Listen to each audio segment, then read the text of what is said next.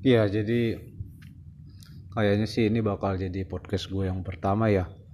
Ya, tapi gue juga nggak tahu ini akan uh, berjalan dengan konsisten apa kalau niat apa kalau iseng apa kalau lagi bete yang nggak ngerti juga sih. Ya cuman gue buat ini ya gue mulai dari hal-hal yang iseng sih.